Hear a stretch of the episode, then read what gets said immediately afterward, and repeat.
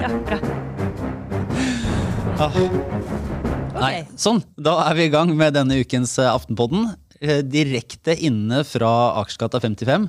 Eh, På plass i studio er det nå for første gang alle oss fire. Sara Sørheim, velkommen som fast gjest, også fysisk på plass.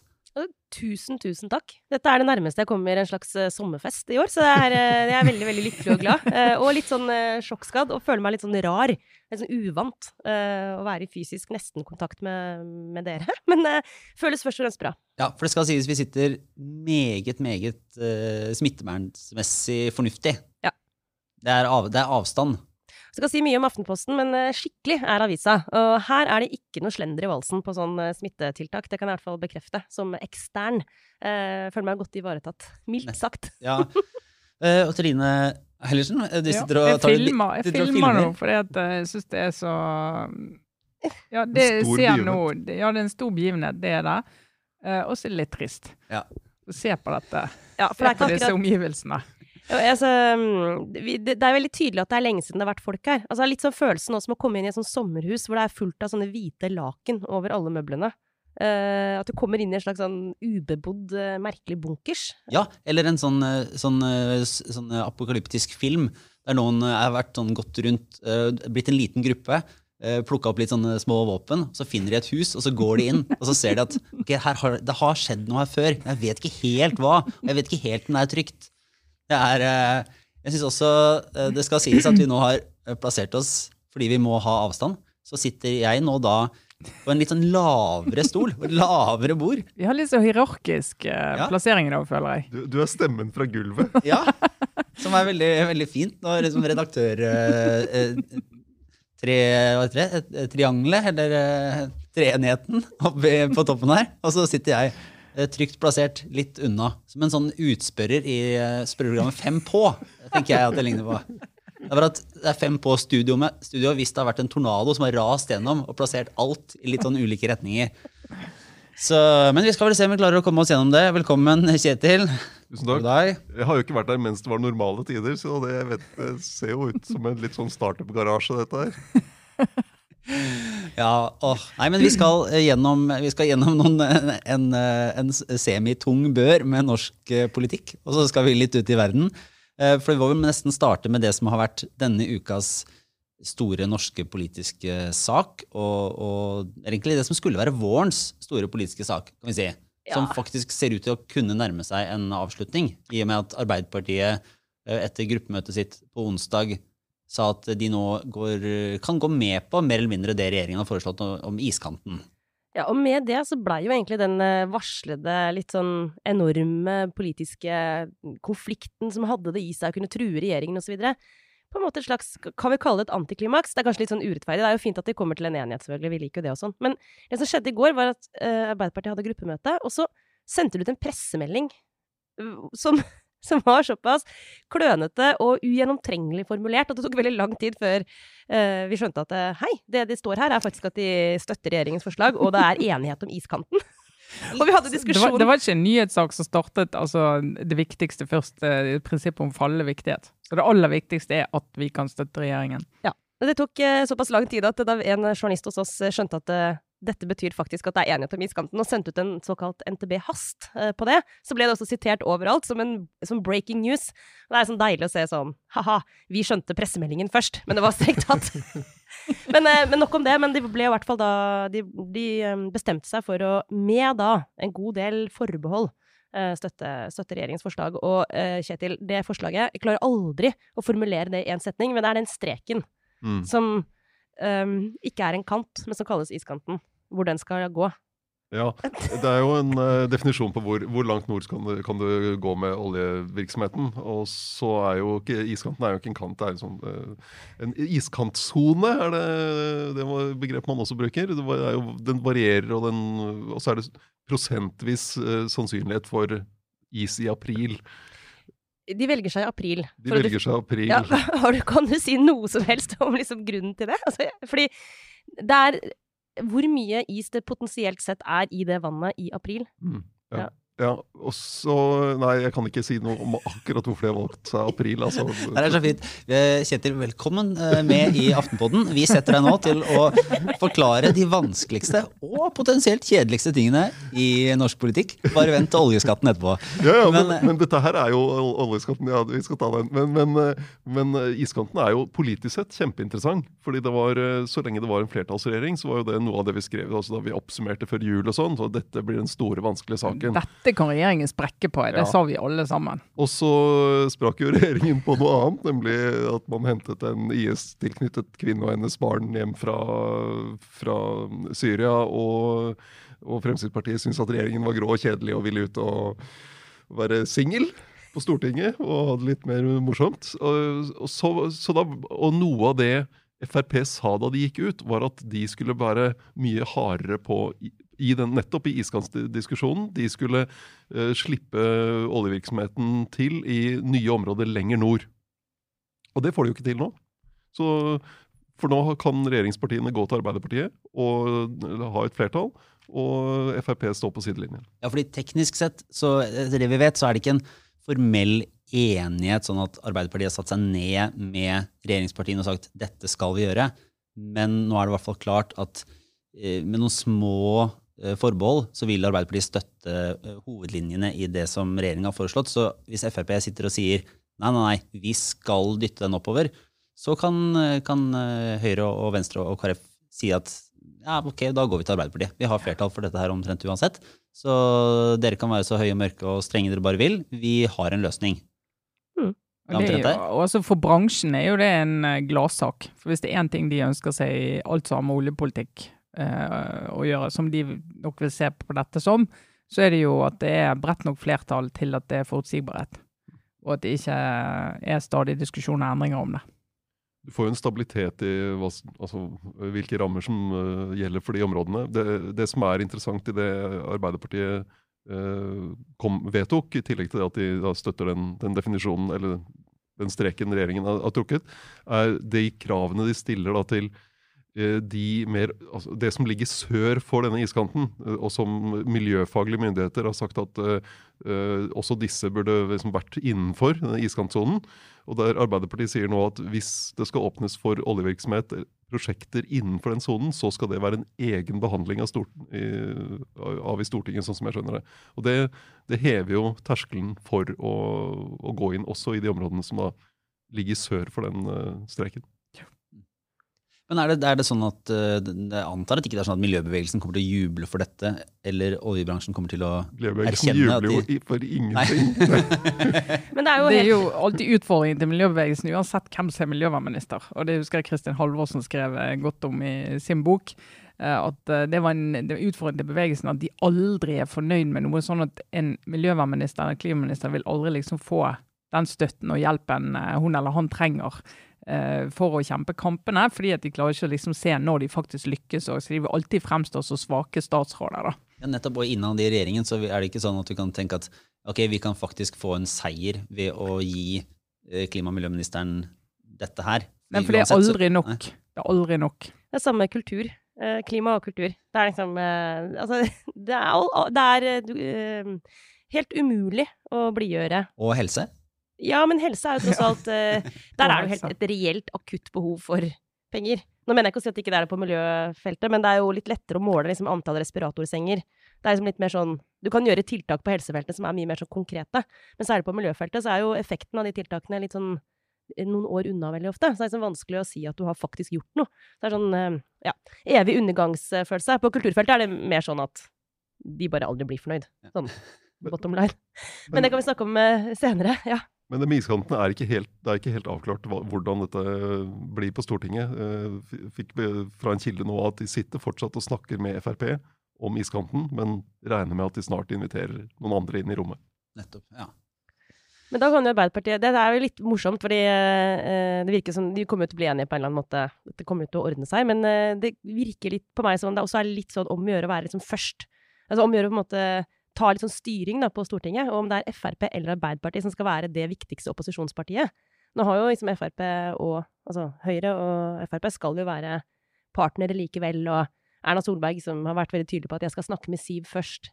det er liksom den alliansen den lever. Men det er litt sånn artig jo, at Arbeiderpartiet nå kan det virke som prøver å være litt mer sånn hissige på men det er jo rart, De prøver å være hissige på grøten, men, men i dette, den saken her så har det vært veldig veldig vanskelig å vite hva Arbeiderpartiet har ment. og De har jo aktivt sagt at ikke ville ta stilling før de så hva regjeringen kom med. Og de har på en måte aktivt valgt å avstå fra å debattere den saken på en tydelig måte hele veien. Og når de finner fram til en enighet blant seg, så klarer de heller ikke å Da går de jo ikke offensivt og sier her har vi løst dette denne saken, dette er vår, eh, vår måte å se det på. Sånn blir det, vi har fått gjennomslag, nå kan eh, dere være fornøyd og dere være fornøyd og holde på. Nå er det fortsatt snakket litt sånn ut av munnvikene og sånn, ja, nå tror jeg faktisk at vi har blitt eh, enige her. Eh, Så nå, nå kan vi legge bak oss dette og gå videre. Men det er jo, altså det er jo en sånn Arbeiderpartiet har jo sagt nå i noen år forsterket egentlig at vi kan ikke inngå forlik med denne regjeringen, for de er ikke til å stole på, hvis du skal si det veldig tabloid. Sånn? Vi inngår et forlik om f.eks. kommunereform, eller vi inngår forlik om politireform, og så viser det seg, og forsvarsforlik, og så viser det seg at regjeringen ikke følger opp sånn som vi eh, forutsatte at de skulle gjøre. Så det må vi bare slutte med. Vi bare taper på det. Og liksom Det er ganske sånn dramatisk egentlig at det største opposisjonspartiet velger en sånn linje eh, overfor en regjering, eh, fordi at du regner liksom med at det store opposisjonspartiet tar ansvar for at du får gjort en del vedtak som står seg over tid. da. Eh, Men så har de jo, sant? nå er det jo ikke så mye diskusjon og kritikk og, om alle disse sakene, så nå kan de jo få gjort en del saker, få de unna og ikke få det der voldsomme tynet for at nå inngikk dere forlik igjen med regjeringen og se hva velgerne våre sier til det. For velgerne akkurat nå er ikke de der. Men er det, kan du bare lure på, for nå vi skal videre til oljeskatten, som jo er den mer, sånn, enda mer aktuelle saken i mediebildet nå. Og enda vanskeligere å forstå, Enda faktisk, enn iskanten. Ja. på, det, et, det dreier seg jo om uh, store penger, men tross alt en midlertidig endring i, i eh, rammebetingelsene for uh, oljeindustrien pga. Uh, olje, lav oljepris og koronapandemi, altså frykten for en dårlig økonomi i Norge. Men iskanten er jo, og ble jo løfta opp som et sånn nærmest mangegenerasjonsspørsmål. generasjonsspørsmål. noe som skal definere politikken i tiår framover. Er det litt sånn rart at, at det blir trumfa helt, og at det, at det løses nesten sånn i, i stillhet, og at man har mer oppmerksomhet rundt oljeskatten enn det man har om iskanten? Eh, jeg vet, altså, det, Arbeiderpartiet har jo hatt det samme problemet altså, internt hos seg selv som regjeringen har hatt mellom de tre partiene. Fordi du har eh, akkurat de, altså du har oljefløyen og du har eh, natur- og miljø- og, og klimafløyen som har stått mot hverandre internt i Arbeiderpartiet. Så, så det at de var så utyd, eller lite tydelige på forhånd, eh, var jo et uttrykk for akkurat det. De trengte at noen lagde et kompromiss. og det, eh, det at de la seg omtrent der regjeringen la seg, var vel det som var mest sannsynlig at kom til å skje. Eh, Men Støre signaliserte jo på forhånd at, eh, at bl.a. naturmangfoldshensyn gjorde at de, måtte legge, at de måtte legge større vekt på naturmangfoldshensyn nå enn sist. Så han sendte jo et signal i den retningen. Men er det ikke ofte litt sånn at de virkelig store avgjørelsene, altså de tingene som blir stående i ettertid som sånn Oi, der tok man et valg som fikk liksom, konsekvenser i mange tiår. Det er jo ofte sånn at de blir til gjennom litt sånn halvveis rygging og egentlig ingen som føler at det var en seier og Altså det er liksom kompromissets natur. At du til slutt så får du fram en eller annen enighet, og så viser det seg jo ofte at det har vært veldig gode, gode kompromisser, og at Stortinget har funnet frem til en måte å gjøre ting på som Altså, jeg tenker eksempel på handlingsregelen. Nå må jeg innrømme at jeg husker kanskje ikke helt liksom, debatten om handlingsregelen. om det var en sånn stor tabloiddiskusjon eh, den gangen i 2001, var det vel. Men det var bare sånne ting som bare definerer eh, vår samtid og norsk politikk. Så Det- tenker jeg ja. vakkert òg, at det blir til litt sånn som dette som skjer nå. Så kommer man til enighet, men det er ikke en blank seier for noen. Eh, og det er jo litt sånn det skal være. Så da er det ikke så mange som kanskje går ut og liksom selger saken. Nei, Det Men- kan jo være naturlig, fordi det, er, det ikke er så lett å tegne opp noen enkle, Ja. klare fronter i spørsmål som har så stor betydning. Men det var, det var litt, litt rart også at, eh, at det drukner på den måten, hvis vi virkelig trodde og mente at det var en, en avgjørende sak for både oljeindustrien og miljø og klima og Norge og Nord-Norge og alt det som det var bygd opp til. da. Og så bare fisler det litt inn i en har, grå og grei løsning. det var litt mer retorikken i forkant. sant? For både Venstre og Frp var jo veldig sånn 'Denne skal vi vinne'. Så De signaliserte, gikk egentlig veldig høyt på banen veldig tidlig til sine velgere. For for, for, for de er det jo enkelt. For Venstre så tar du mest hensyn til eh, naturmangfold og miljø i den saken. Og for Frp så er det oljebransjen. Sånn at de har veldig sånn rene standpunkt, om du vil. Mens et parti som Arbeiderpartiet, som Høyre, altså en del andre partier, de vil jo måtte balansere dette her hvis de skal ta hensyn til hvem de representerer. Så det er vanskeligere for dem. men de gikk veldig høyt på banen og snakket om så dette er litt sånn være eller ikke være for vårt parti.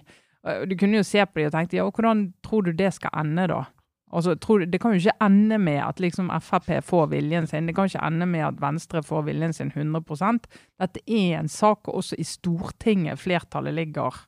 Ja, for Sånn er det i norsk politikk. Du må veie dette her. eh, Oljepolitikk og miljø- og klimapolitikk. Det er ikke null eller én i Norge. Kommer ikke til å skje. Ja, men videre i det som da har eh, vært enda mer aktuelt, så er det jo oljeskatten. Eh, Kjetil Haltheim hentet inn Du var jo på Dagsnytt 18 i går og var ekspert på dette her. Men du vet Ja, det var derfor Kjetil ble ansatt i Aftenposten, fordi vi visste at det kom et eller annet om det der. Så nå, nå må du Noen må forsøke å sette seg inn i friinntekten i petroleumsbeskatningen. Ja. Ah, vi får se litt på hvor, hvor dypt vi skal gå inn i det, da. Men, men eh, Kanskje ikke kjempedypt, bare et sånt løst forslag. Kanskje ta det litt harelabbaktig? litt, Jo, jeg, ja, jeg tror folk har behov for å forstå dette. Ok, Ja. kjør. skal vi se. Tenk deg nå, Kjetil, at du forklarer det til barn. Det er oss i studio, ikke nødvendigvis Slik- lytterne, som jeg har høy, høy tillit du- til. Ja. Slik snakker du med barna om petroleumsbeskatningen. Den, den saken kan vi, kan kan vi lage. lage. Nei, men uh, ja, det er dette Hvor mye tid har vi nå? Nei, men det, det som er eh, veldig interessant her, syns jeg, er jo eh, hvordan timingen har slått, slått inn her. Fordi du eh, Norsk olje og gass, bransjeorganisasjonen, kom jo med sitt ønske om midlertidige endringer i skatten i slutten av mars. Da hadde de fått smellen fra koronasituasjonen. Altså Folk ikke, kjørte ikke bil, fly sto på bakken, fabrikker skrudde av maskinene. Sånn at olje, etterspørselen etter olje falt kraftig. Og så fikk du en oljepriskrig der Saudi-Arabia skrudde på alle pumper. Så markedet ble overflommet av olje. Eh, Så du fikk de to tingene på en gang. Og oljeprisen bare raste ned. Eh, og, eh, og det ble bare verre utover i april. Så det var jo under nordsjøolje var under 20 dollar fatet. Det var rundt 70 ved årsskiftet.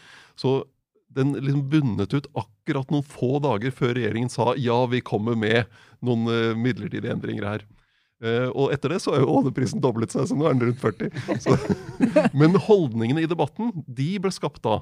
Da Mm. oljeprisen var uh, på et sånn helt kritisk lavt nivå. Og de har jo ikke flyttet seg noe særlig etterpå. Så det, det, var, det er noe med, med timingen i, i det her. Skal jeg også si Nei. noe om hva de Ja, eller, eller si, altså for Det som er fascinerende, er jo at dette har vært forslaget fra regjeringen har vært solgt inn som en dette vinner begge sider på. Ja. Altså Oljebransjen får, min, de får mindre skatt å betale i nær framtid, og så får staten mer inn på lang sikt. Det er riktig? Ja, det, det de har bedt om, er jo å, å få eh, ta alle avskrivningene inn i skatteregnskapet med en gang, i stedet for å spre det over seks år. Det betyr at de betaler mindre skatt nå og neste år og, og året etterpå, men så skal de betale mer skatt siden. Eh, og da frigjør de penger og kan investere. Eh, og så har du Det som kompliserer dette, her er at du har det, det som heter friinntekten, og som har vært en, en, eh, en, et skattefradrag uh, som oljeselskapene har fått nettopp fordi de har måttet spre det, disse av, avkastningene, eller avskrivningene over flere år, i stedet for å kunne ta det med en gang. Så det har vært en slags kompensasjon fra staten. For at, for at de ikke fikk det sånn som de For at, ville for, at de ikke, ja, for at de ikke har fått det fradraget med en gang. Eller de fradragene med en gang. Og nå får de de fradragene med en gang, men de beholder kompensasjonen. Så det er som det, Ja. som, eh, som det heter her i dette huset, fra Aftenpostens grafiske klubb. Kompensasjon for bortfall av ulempe. Ja, det er et nydelig tillegg. Men det er jo, altså hele, og hele bakgrunnen, altså grunnen til at det er vanskelig og at det er kontroversielt Hvis dette hadde vært for ja, 20 år siden, da, ti år siden, egentlig. Så sier du hva dette er vår viktigste næring, masse arbeidsplasser. Nå har oljeprisen falt. Eh, vi tror han skal opp igjen. Vi er nødt til å sørge for at bransjen ikke visner i den perioden frem til oljeprisen er oppe igjen. Vi må sørge for at de fortsetter å investere. Vi må sørge for at prosjekter blir satt i gang. Og det er veldig lang horisont på disse prosjektene. Du gjør et vedtak i dag, og så er du ikke i gang med noe som helst før om ti år, kanskje. Sånn at du kan ikke ha sånn ett års opphold hvor du ingenting vedtar og beslutter av prosjekter. Da vil liksom bransjen dø.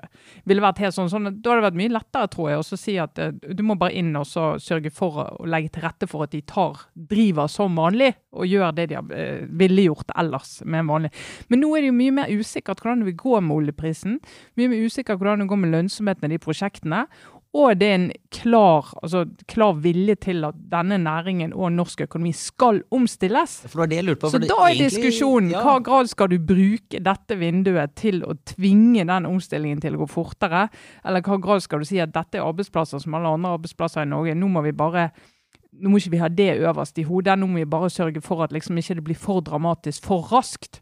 Eh, for denne næringen. Da. Så inni der ligger jo konflikten. Men er det, er det noe, fordi Man snakker jo om at uh, oljebransjen går inn i sine siste år eller tiår, eller hva det måtte være. Men oljebransjen er den nye papiravisen? Ja, ja, nettopp. Ja, en, en, vi vet eller vinylplate, ja, kanskje. Det kommer til å gå nedover, men til slutt så kommer det fortsatt til å være noen som er veldig opptatt av å lese papiraviser og høre på vinylplater, og noen som kommer til å ville ha, ha olje. Men er det eh, Skal de Skal skatten skal det avskrives på så lang tid nå at uh, staten risikerer å få en smell fordi oljebransjen ikke tjener penger lenger? At, at, de, at, de, ikke har de inntektene som man vanligvis ville betalt skatt av? Det, det, man gjør med den endringen, er å flytte risiko over til staten. Altså mer, mer, ja. Staten tar mer av risikoen. Så det, og, og, noe av de, Vi vet jo ikke helt hvor de ender, med de forhandlingene pågår jo uh, mens vi sitter her.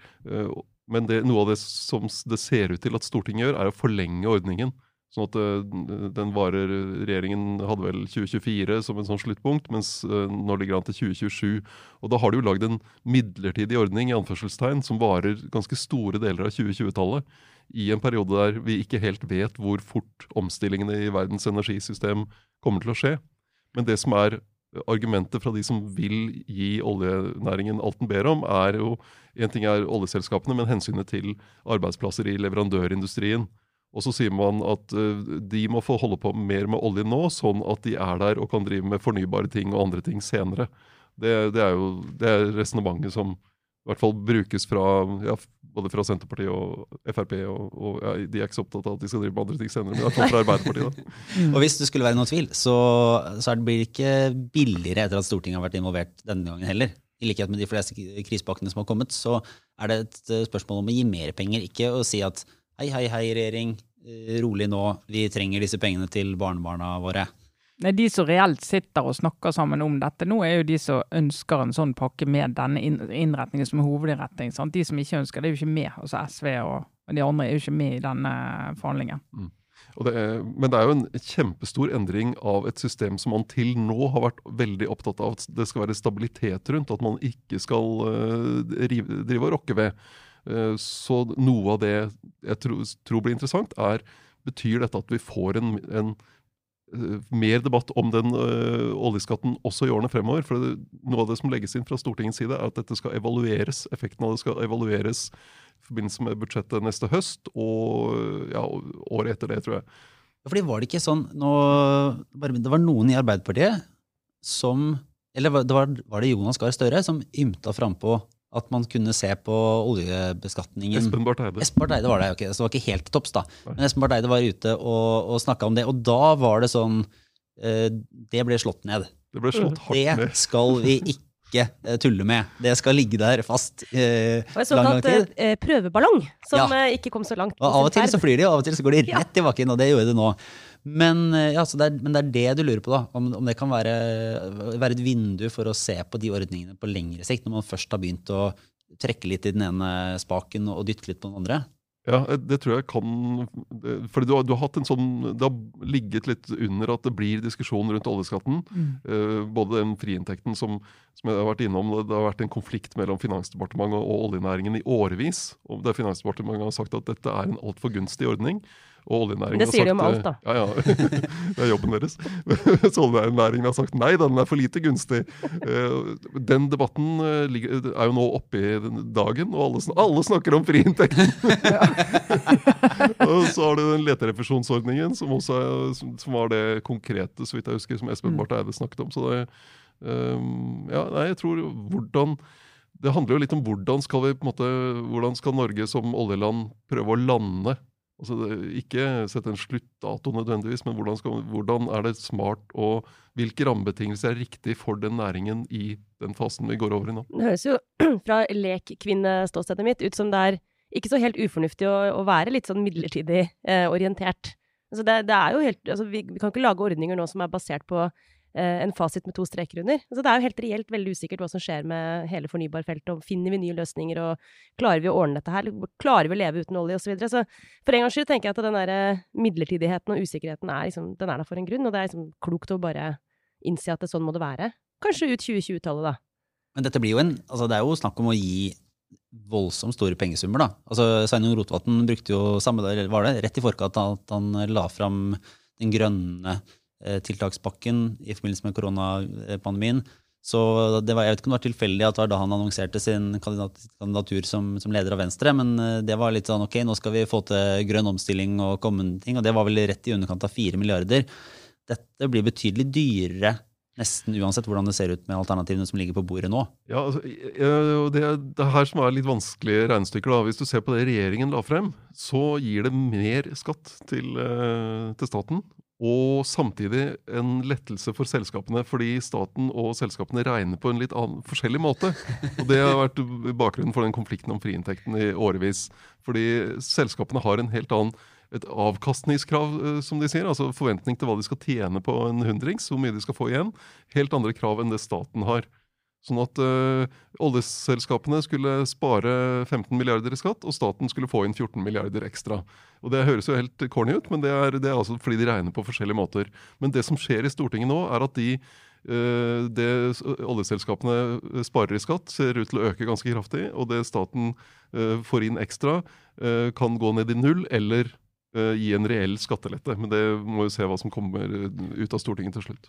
Og så vil, jo- altså, vil jo da tanken være at du med det greier å eh, holde oppe aktivitet i næring, og ikke minst leverandørindustri, som gjør at du får skatteinntekter om noen år. Sant? Sånn at du ikke bare at den dør i løpet av litt for kort tid, og at du taper for mye på det. Sant? Så det er jo litt av, eh, av logikken bak det. Men det er jo å sammenligne det òg. Det er jo fristende å sammenligne. Ja, det er bare 3,6 fornybar. Det er sånn sammenligner eh, 3,6 milliarder til fornybar eller omstilling.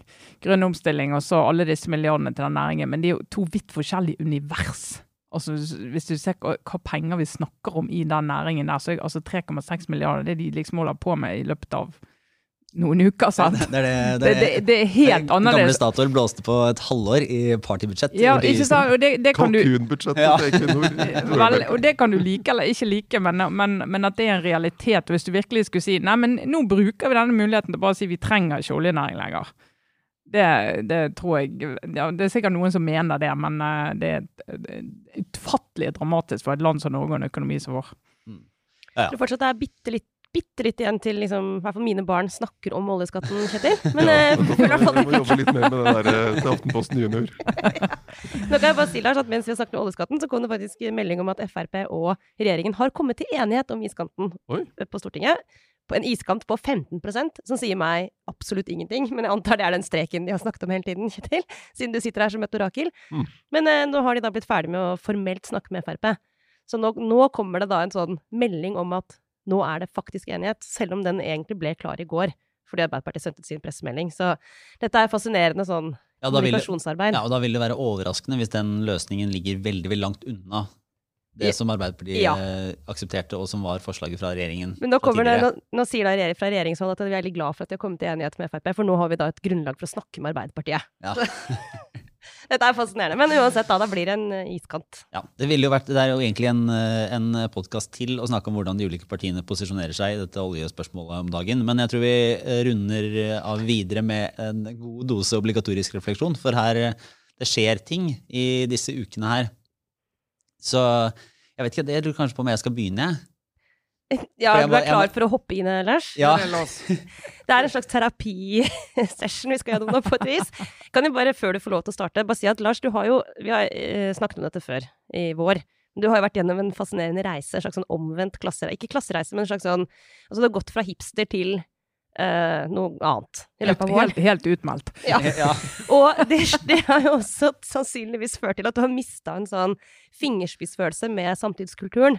Det skal Eh, du jammen ikke se bort fra. nei, også på sosiale medier. Ja. Men jeg vil bare si at for oss tre som sitter her oppe nå, vi som for lengst er meldt oss inn i Redaktørforeningen og blitt bare gamle, velkommen til oss. Altså, det er så fint å se. Det er en vakker dag, så kanskje du kan bli redaktør og sitte med dressjakke, som vi andre gjør.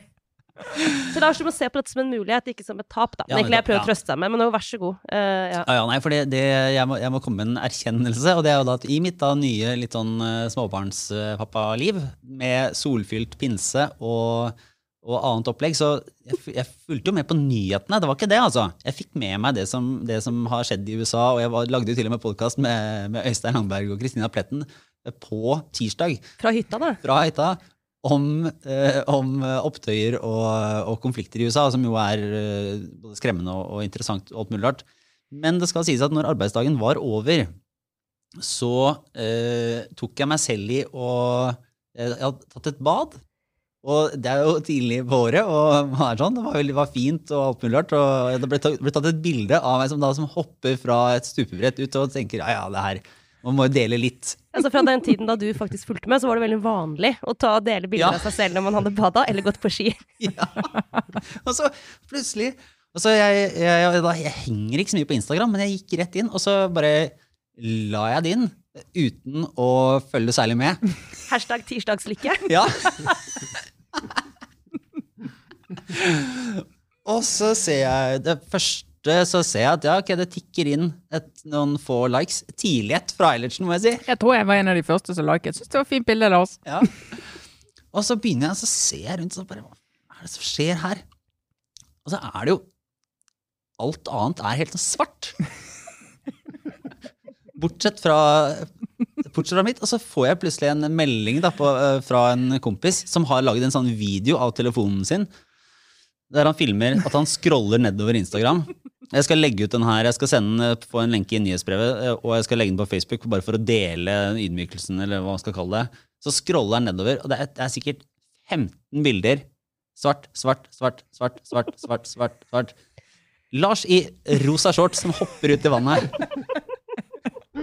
Glad som en laks.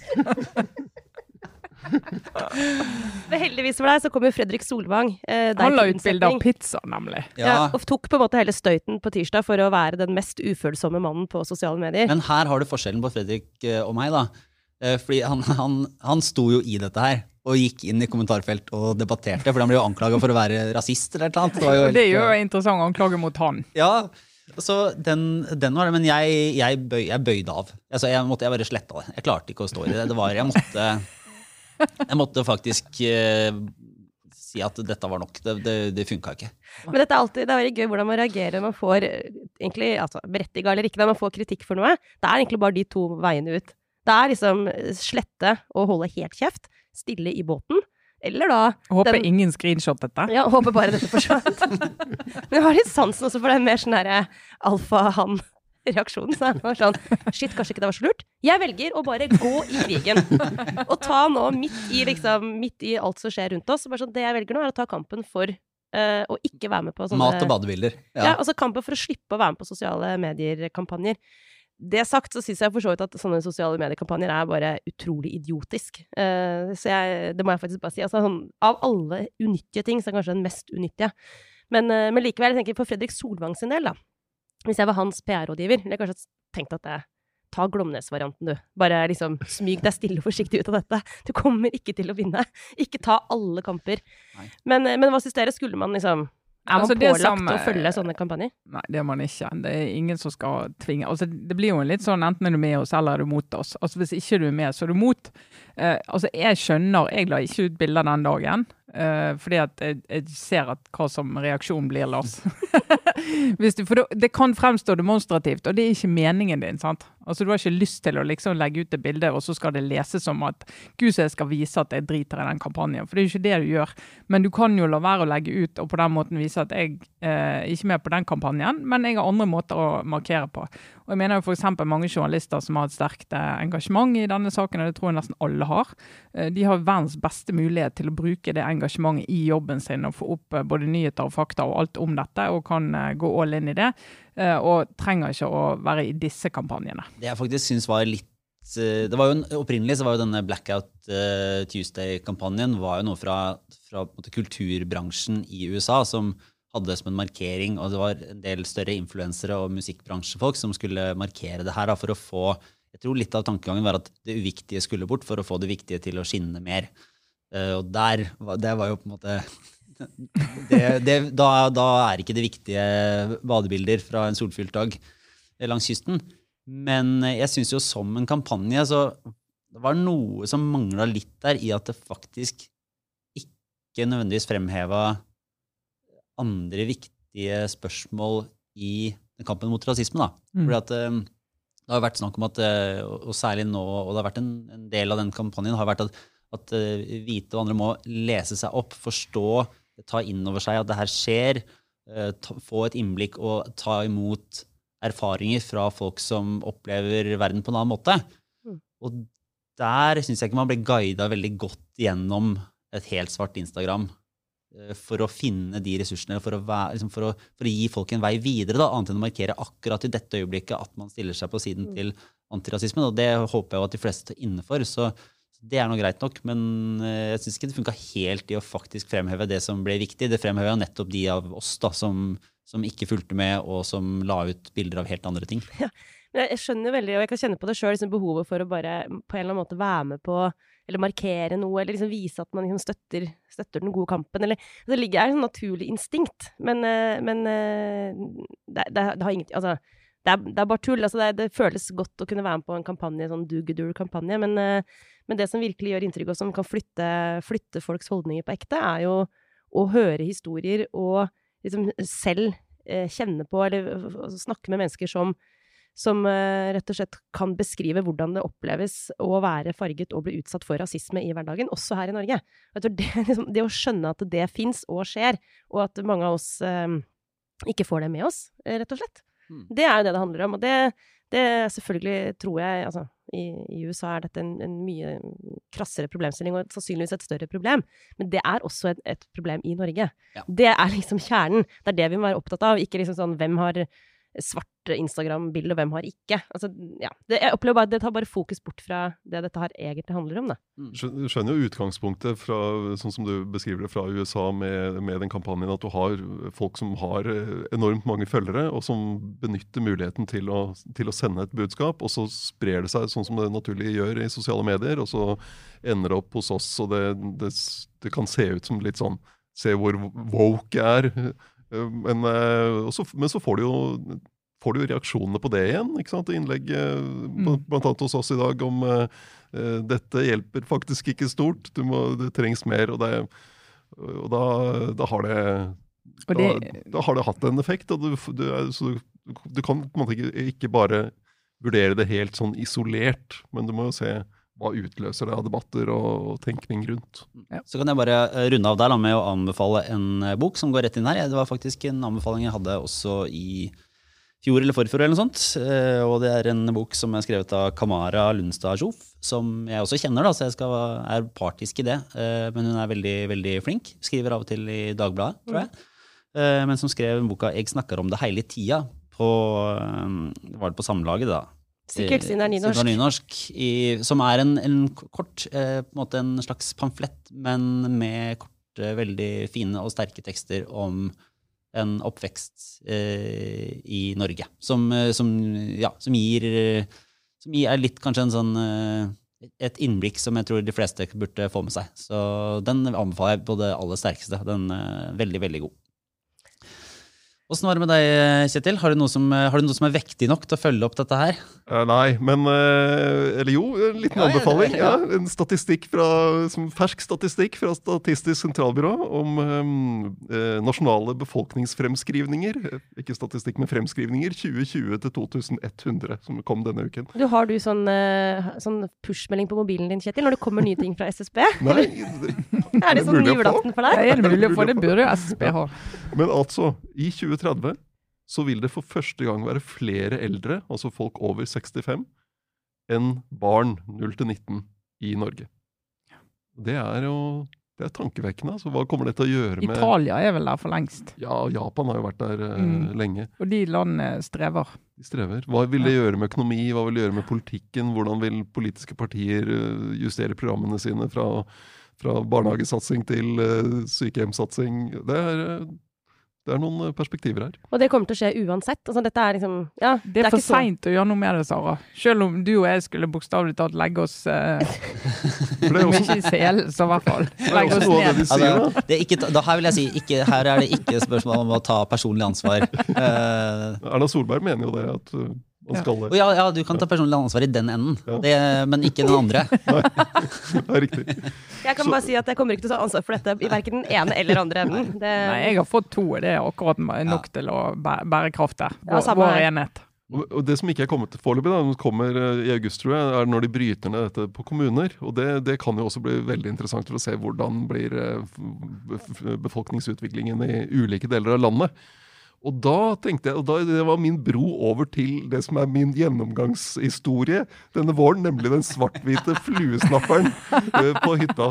For en av de interessante tingene med svart-hvit fluesnapper er at uh, hannene når de, jeg har jo beskrevet hvordan denne hannen som først fant en kasse, fant kasse og hadde ikke dame, har fått seg dame, Hæ? og nå driver de, de er, de er fått- har de lagt etablert. egg? De er etablert, er lagt egg. Men det som da ofte hender, er at når denne hannen først har fått seg en kasse med dame, så får han seg en til. Kjekt. Så det er ganske vanlig at, de, at han begynner med et prosjekt nummer to samtidig, parallelt. Og så klekkes da eggene først i den første kassa, og så blir han veldig opptatt med å mate barna der. Og så blir det en alenemor i den andre. Altså, jeg vil si, Du snakka jo sist uke om hvordan, eh, hvordan eh, hundene egentlig De er jo ikke svart-hvite engang. Så det er jo på en måte det patriarkatet er så sterkt. Det er veldig sterkt. altså, Men her er det regionale forskjeller. Oi, I Sør-Norge så er det 20% av hannene som er bigamister. Mens i, i Trøndelag så er det nedi er det, Nei, skal vi se, nå må jeg ta dette. Notert her. Én av ti hanner er bigamister i, i Sør-Norge. I Trøndelag så er det én av 20. Men i Nord-Norge så er det dameunderskudd. Altså, der stemmer det. Da må du bare holde på de du kan. Ja, men dette høres kjent ut. det gjør det. Dette høres kjent Så jeg tror det befolkningsfremskrivningene brutt ned på regioner og kommuner kan bli interessant når det kommer i august. Ja, og da kommer vi helt sikkert til å snakke om behovet for eh, større kommuner. ja. Ja, det gjør vi. Og selv om vi ikke mange syns det, så kommer vi til å snakke om det. Ja. Det kan man være ganske, ganske trygg på. Åssen er det med deg, Sara? Nei, Jeg tenkte akkurat på det når du anbefalte en sånn utrolig god bok, som er en så kulturelt korrekt anbefaling, Lars. Altså, den til Kamara er liksom sånn Den, den, den kan krysse av i alle bokser for en bok man bør lese. Og så hadde jeg krympa meg litt, fordi jeg hadde en annen liksom, bokanbefaling som er sånn ja, i den motsatte enden av skalaen. For jeg har brukt siste uke på å lese Showtime. Den siste boka til Henrik Langeland om eh, Christian von der Hall. Altså den tredje boka i den trilogien som begynte med Wonderboy.